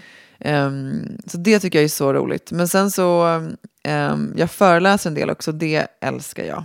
Ehm, alltså verkligen, det, nå- det finns någonting otroligt häftigt när man ser liksom folks ögon tändas eller när någon, att liksom någon är med och det känns som att någonting väcks inom dem. Det är, ja men det tror jag är liksom, det är väldigt, eh, det är svårt att liksom mäta sig med den känslan. Eller när någon liksom kommer fram efteråt och säger så här, tack, ja, nu, nu vill jag bara gå ut och leva. Ja, liksom. det, precis. det är väldigt fint. För det är ju liksom en, man, man skapar ju någonting för andra då. Ja, precis. Apropå liksom lyckoforskningen så brukar jag hänvisa till. Att Ja. eh, liksom det, det, den säger ju att vi blir, alltså det som står högst upp på de där listorna, det är ju när vi lyckas liksom göra någonting för någon Ja. annan. Ja.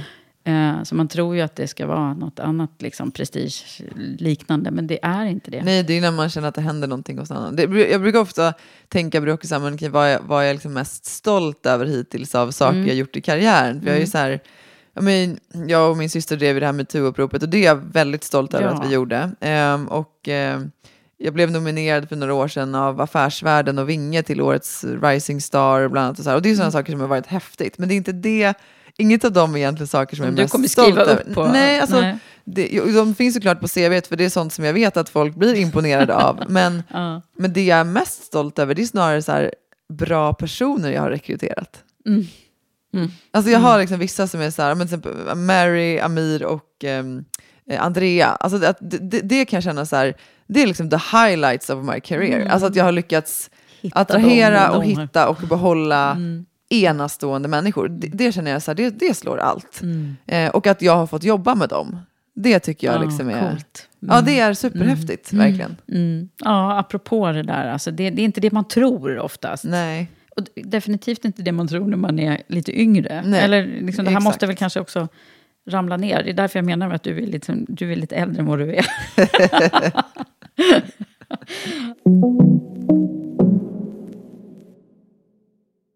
Kan inte du berätta om hur det gick till? Nu känns det ju som metoo är ju ett ämne som vi har pratat mycket här, men eh, det, det tål ju att eh, upprepas. Ja, alltså det var ju först eh, alla skådespelerskorna som gjorde ett upprop i Svenska Dagbladet som hette Tystnadtagning. Och, Sofia eh, Helin bland annat, hon, Ja, hon har varit här. Ja, Mm. åh, fint. Ja, Mm. precis. Hon var ju en av initiativtagarna och så var det Moa Gammel bland annat. Mm. Ehm, och eh, det kom ut en fredag, kommer jag ihåg. Ehm, och då var det min syrra som ringde mig eh, på Lilla morgonen. Min lilla syrra Emma, ja, Mm. eh, som också är jurist. Just. Ja. Och ehm, eh, sa så här, men du måste gå in och läsa den här artikeln. Eh, så läste jag den snabbt bara, jag satt och väntade på tåget, kommer jag ihåg. Eh, och så började vi liksom diskutera kring det här och, och vi hade ju under åren också såklart delat med oss till varandra om alla liknande händelser som vi hade varit med om. Mm. Ehm, men som man gjorde då, före metoo, så, så knöt man ju bara liksom näven i fickan och, och gick vidare. Det var ju bara så, ah, ja men it's part of the game, det är ju Mm. bara så det är. Ehm, och man var liksom, ja men man hittade ju ett sätt att manövrera kring det här, för det var ju en del av vardagen. Ehm, men det var ju som att så här, när de hade gjort den där artikeln så kändes det som att... Fast Den som- den kanske- stora som var i svenskan Den stora som var i där. svenskan. Mm. Eh, och det var ju 500 skådespelerskor som hade skrivit under och det var ju också både med namn och Mm. med bild. Och då började vi liksom bara prata om, det var liksom den här morgonen på tåget då, så här, men gud, tänk om, tänk om vi skulle göra någonting liknande. Tänk om det kanske finns liksom 20 jurister som vill göra samma grej. Som vill vittna. Ja, också. som vill vittna Mm. och, och stå, skriva under med namn. Mm. Det kanske, det, det, liksom, det, det kanske vi kan... kanske finns några stycken. Ja, det kanske finns några stycken. Så då startade mm, Emma då bara en sån här meddelandetråd på Facebook. Och där vi bjöd in liksom fyra juristvänner var. Och så skrev vi bara så här, men bjud in några juristkompisar. och, och så ser vi om det finns något intresse för det här. Och sen så kom jag ihåg att jag kom fram till jobbet och gick på något möte och kom tillbaka en timme senare och då var det över 300 kvinnor i den där äh, meddelandetråden. Oh. Det var inte bara några stycken. Nej, det gick väldigt fort. Och då så stängde vi den och öppnade liksom en Facebookgrupp istället. Uh, och då gjorde vi den liksom hemlig och det var ju en massa frågor för att man skulle, så vi godkände ju alla för att mm. dels så att det skulle vara kvinnor men också att man skulle ha en, liksom vara jurist. Uh, och då bara liksom, det började bara, alltså det strömmade in folk. Mm. Um, så, och vi höll ju på med det där då liksom under, under helgen och började, eh, vi öppnade en, en mejladress där man fick skicka in då anonyma vittnesmål. Och eh, jag tror att liksom, vid slutet av helgen så var det väl så 14 000 medlemmar i den här gruppen. Det gick fort. Ja, det gick alltså. väldigt, väldigt fort. Och eh, det, vi hade också möjligheten att skicka in de här vittnesmålen hade vi öppen i 24 timmar. För att det var ju bara jag och min syster och sen hade vi knutit till oss två personer mm. till, Caroline och Maria. Mm. Maria Näv och ehm, eh, Caroline Snellman. Eh, och eh, vi kunde liksom inte hantera mer. För samtidigt så skrev vi då artikeln och vi godkände alla förfrågningar. Och sen började ju media ringa. Eh, mm. För att såklart så var det ju folk som hade tagit sig in i gruppen som då kanske var, liksom, hade journalistkopplingar eller sådär. Ah.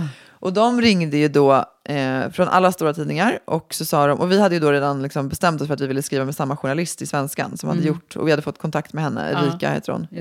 Eh, så hon var ju den som vi liksom jobbade med hela tiden.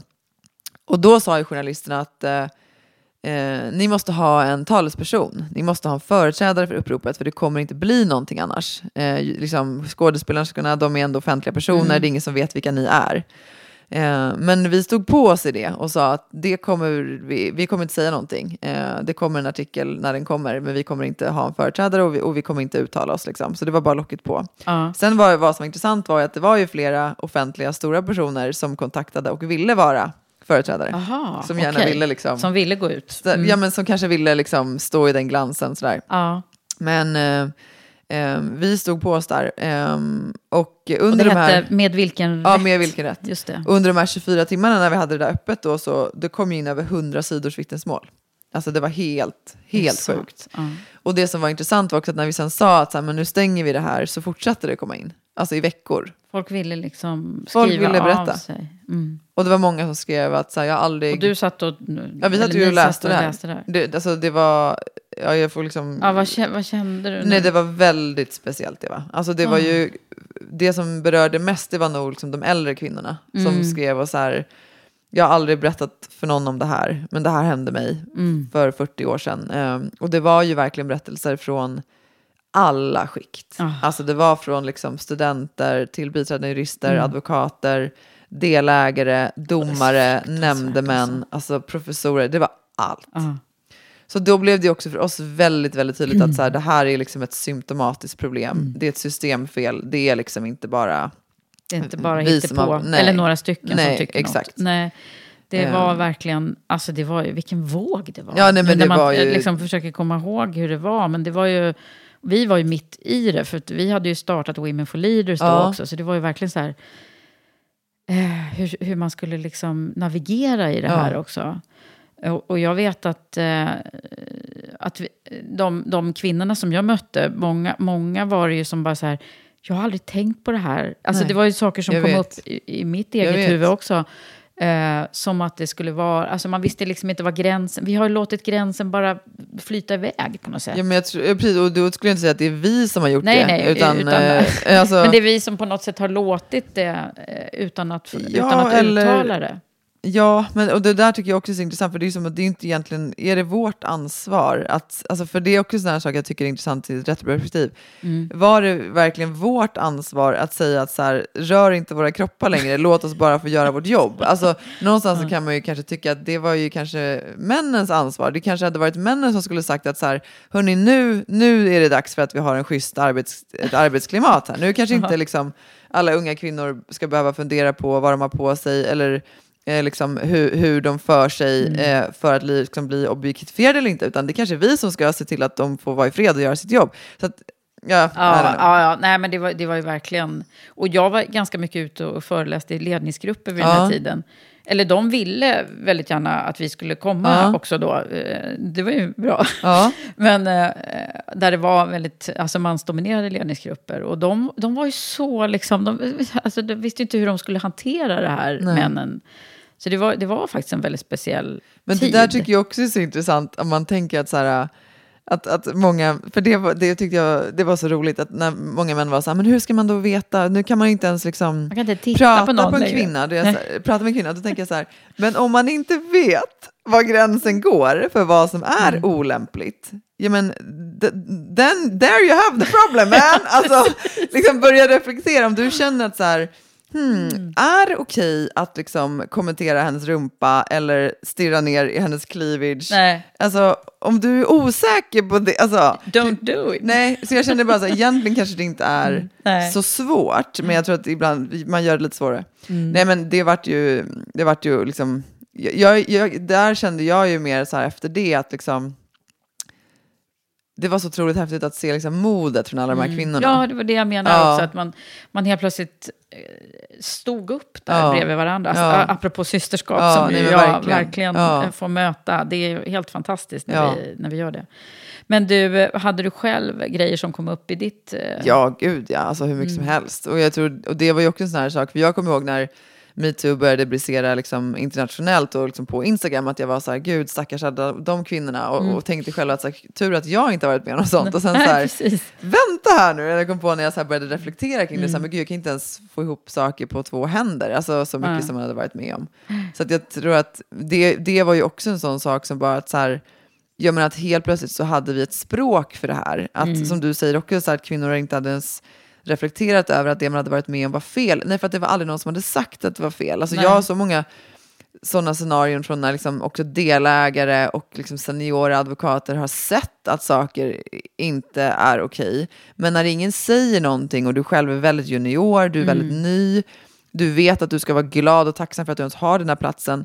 Ja, men om ingen säger att, eller visar på att liksom saker och ting är fel eller att du borde stå upp, så vad har du för incitament att göra det? Alltså, jag, det är en sån sak som jag själv känner när, när liksom, nu när jag är äldre och jag har varit chef och ledare, att, liksom, att säga ifrån när saker är fel. Mm. Att så här, men, på ett möte där hela bolaget är, att så här, om jag inte håller med vad vdn säger, att, att säga det då. Alltså, Mm. För det är en sån här otroligt viktig signal, tycker jag. Och, och så viktigt att liksom hålla den här dialogen i liv. Ja. Så, att man, så att man hittar sin moraliska kompass i, i de här ibland subtila, svåra sammanhangen. ja, ja, ja, verkligen. Eh, det är ju superviktigt. Vi pratar om de här etiska liksom, dilemman och sånt eh, Ja. på vårt ledarprogram.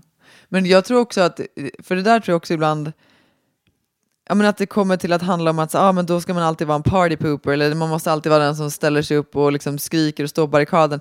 Alltså, jag tror egentligen för mig handlar det väldigt lite om det, utan det Mm. handlar mer om så här, men hur är man en god människa? Ehm, och- Civilkurage. Ja, men exakt. Och, och sen så kan man säga saker på så otroligt många olika sätt. Mm. Alltså, man kan säga, liksom, det kan vara i att så här, men, om, de, om någon säger någonting olämpligt, för Mm. ofta tycker jag också, en aspekt är att det är väldigt svårt att där och då komma på vad man vill säga. Alltså om man blir Mm. liksom ställd av en kommentar så kan det ju vara väldigt svårt att så här, ha en snabb comeback. Mm. Väldigt sällan har man ju det för att man blir just ställd. Ja. Ja. Eh, och där är en sån sak som jag ofta säger till mina medarbetare att så här, ja men om du blir det, Mm. Kom tillbaka dagen efter eller en vecka senare och säg, vet du det där som du sa, jag, jag tyckte det kändes lite konstigt, kan vi inte bara skippa den typen av jargong? Mm. Det finns ingenting som är konstigt med att man säger det sen, för om man blir ställd så blir man ställd. Mm. Nej, det går att, att verkligen att komma tillbaka. Ja, Men man ska ju verkligen. göra det hyfsat nära i tid helst. Ja, det är klart man ska Eh, göra det helst, mm. men, men jag tycker fortfarande att så här, det finns inget fel i att Nej. liksom, göra ett omtag och om man nu kommer på vad man hade velat säga på kvällen när Mm. allting har lagt sig, att säga det dagen efter. Men det där handlar ju, tror jag, eh, ganska mycket om också, man, nu spårar vi verkligen in på feminismen här, men eh, att vi kvinnor har ett sånt, liksom, vi är så präglade av att vara att bli liksom omtyckta och liksom Mm. de här leendena som vi ska hålla på med. Och, och om, vi, om vi är liksom för burdusa, för direkta, Mm. så, så, så har det inte alltid fallit väl ut. Mm.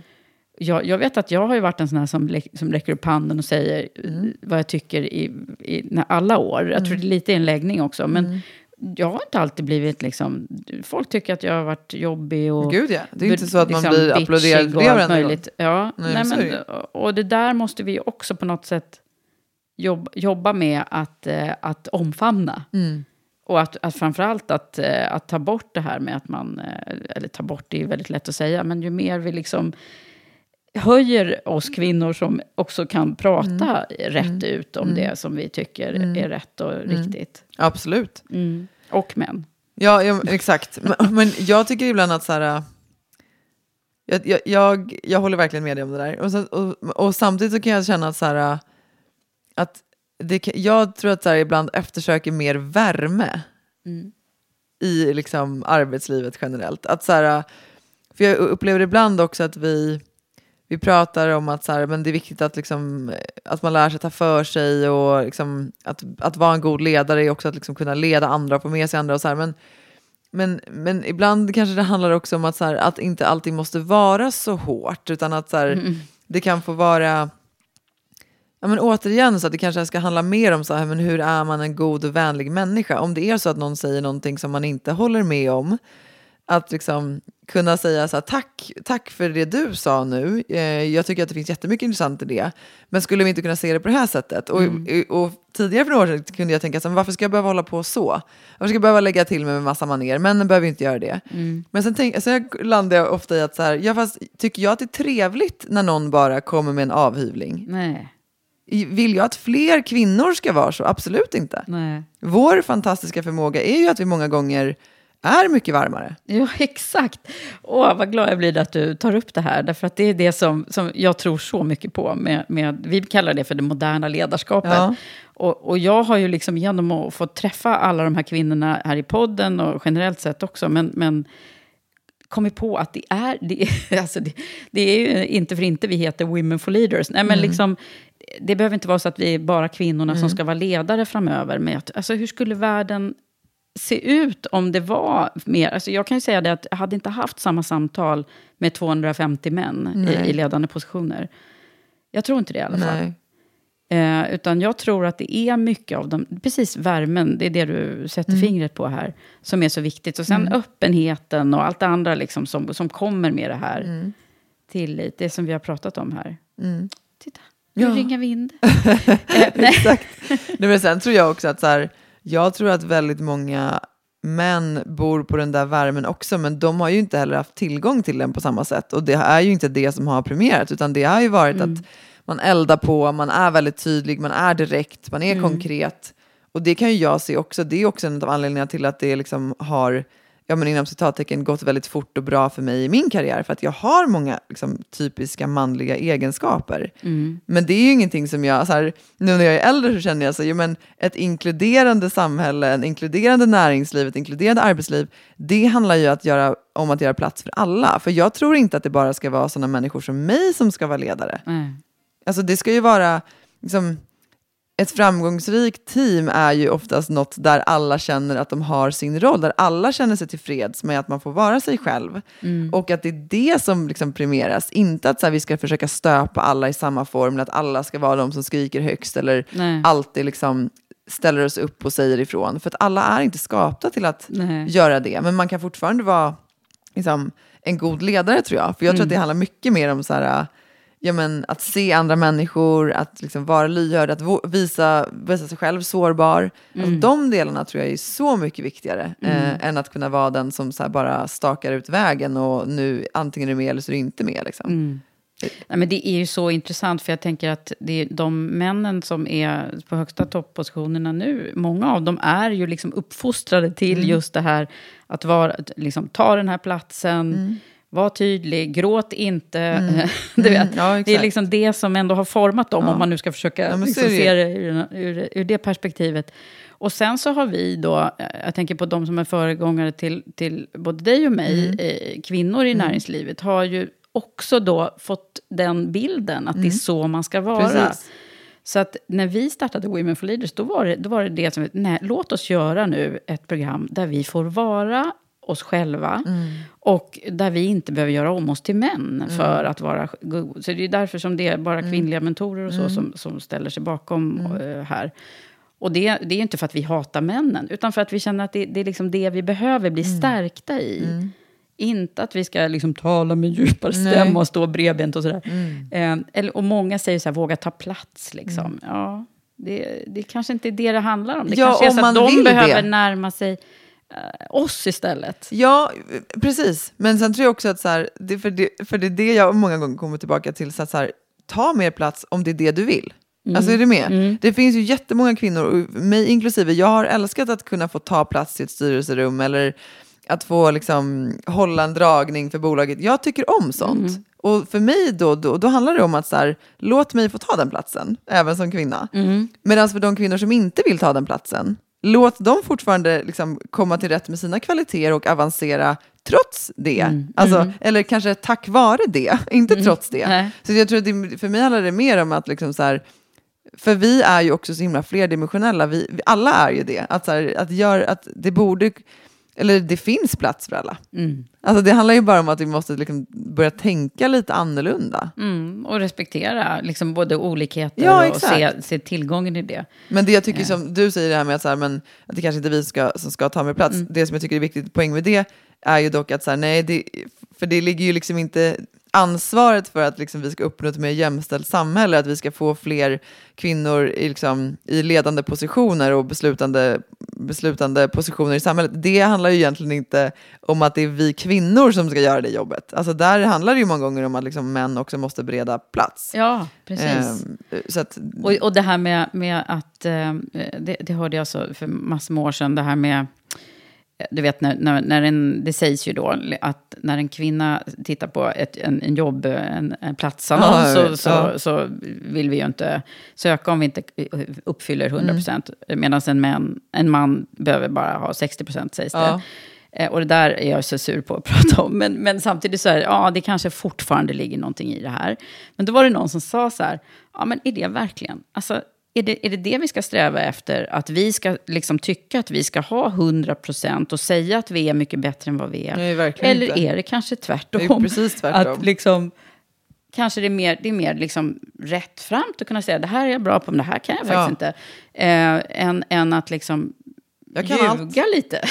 Ja men är inte det också otroligt befriande? För att det är också så här nu, att, att, att liksom kunna vara uppriktig med, men det är också en sak som jag tror man blir bättre på när man blir äldre, men, men att så här, vara uppriktig med vad man inte kan, det är så jäkla jobbigt att gå omkring och låtsas. Och ingen Men kan hur är det för allt. dig då? Nej men nu är jag så, så gud jag är, känner mig väldigt så här, det där kan jag inte, det där kan jag inte. Alltså Mm. medan när man var ung så var man ju så här, jag, jag kan allt. Och sen så gick man hem med huvudvärk och försökte liksom googla och läsa uppgiften. Jag gör inte det längre. Nej, nej, Det, liksom, det, det, det tjänar väl ingenting till? nej. Det är bättre att ta Du- hjälp. Ja, Mm. och det, det tror jag är, så här, det är också så himla...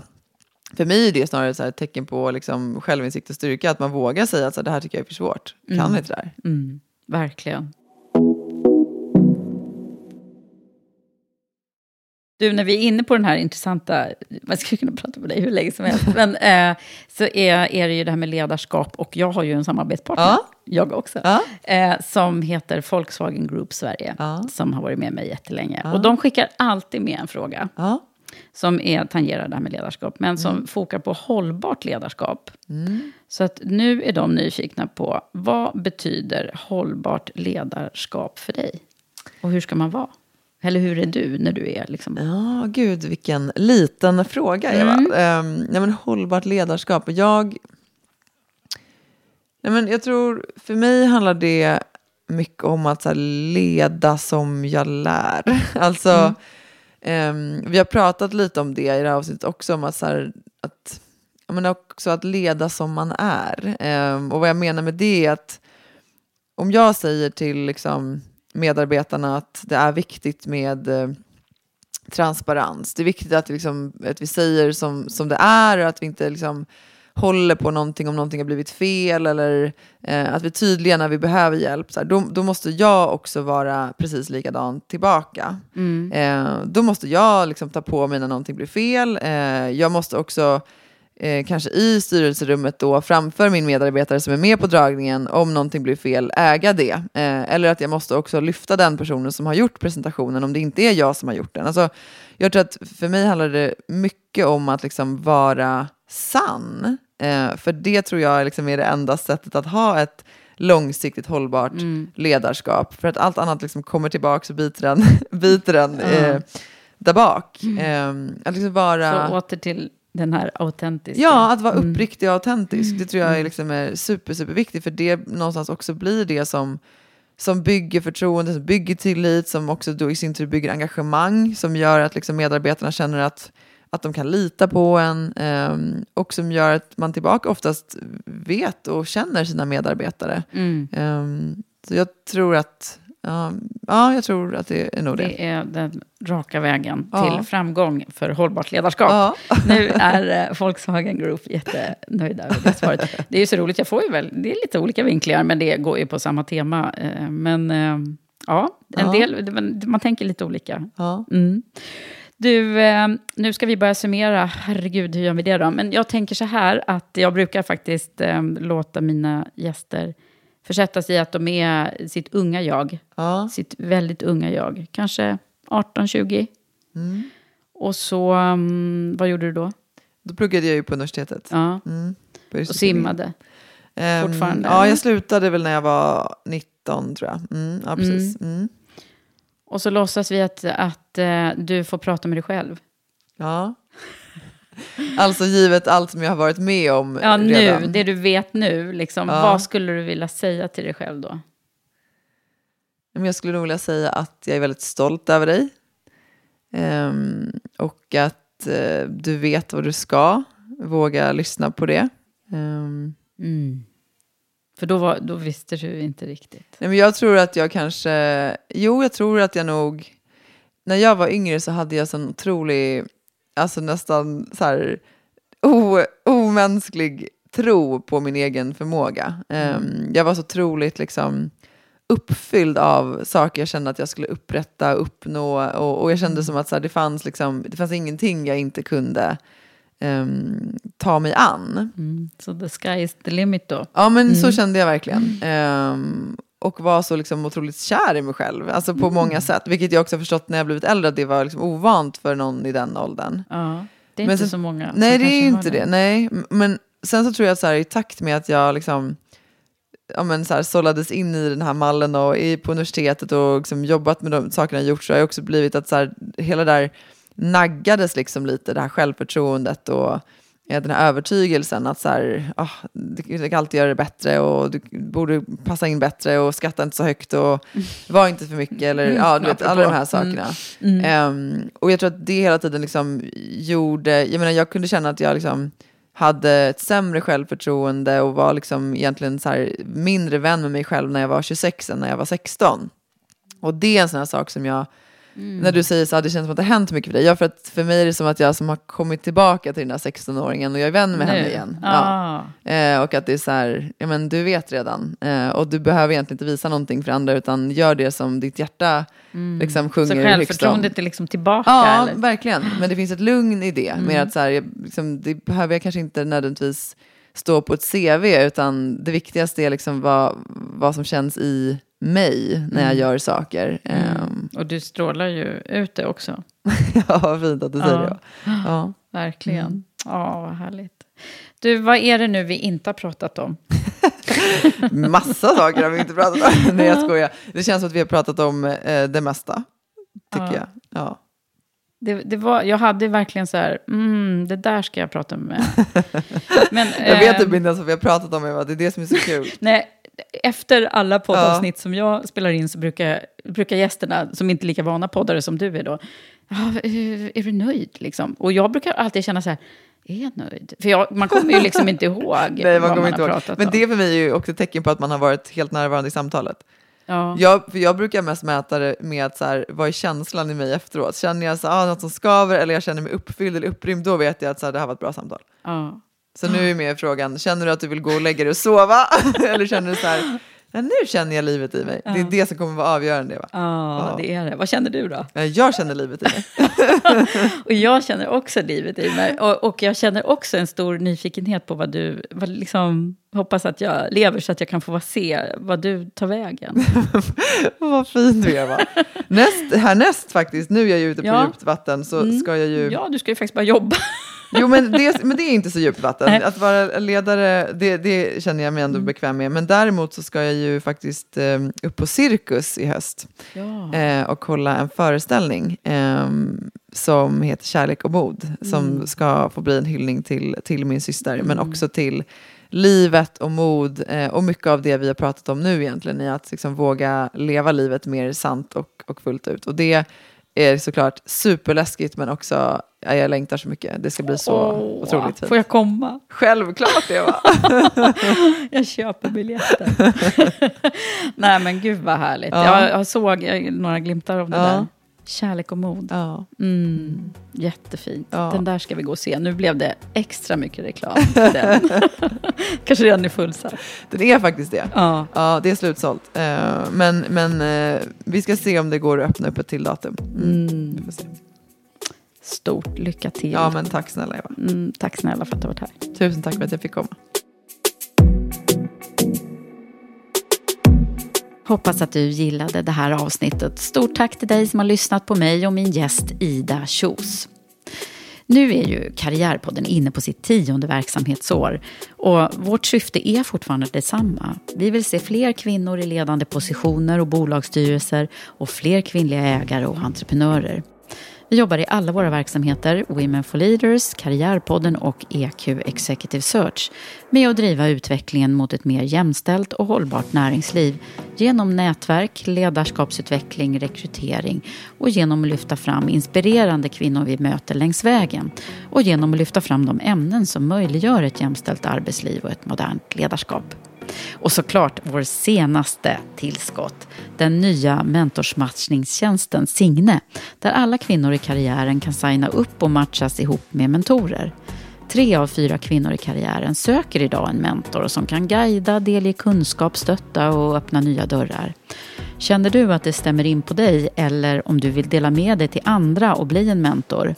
Klicka dig in på signe.co och läs mer. Så slutligen, se till att följa oss i sociala medier om du inte redan gör det och prenumerera på podden. Och jag blir så glad om du vill dela det här avsnittet och podden om du gillade det. Det gör oss verkligen så glada. Det var allt från mig och Karriärpodden den här gången, men vi hörs snart igen.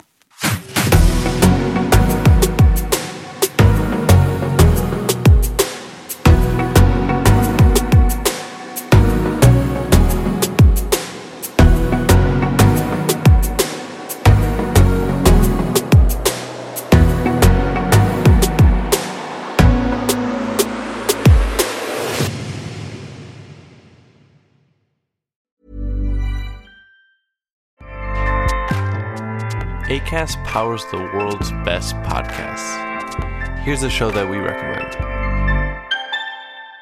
Hi, I'm Una Chaplin, and I'm the host of a new podcast called Hollywood Exiles. It tells the story of how my grandfather, Charlie Chaplin, and many others were caught up in a campaign to root out communism in Hollywood. It's a story of glamour and scandal and political intrigue and a battle for the soul of a nation. Hollywood Exiles from CBC Podcasts and the BBC World Service. Find it wherever you get your podcasts. ACAST helps creators launch, grow, and monetize their podcasts everywhere. ACAST.com.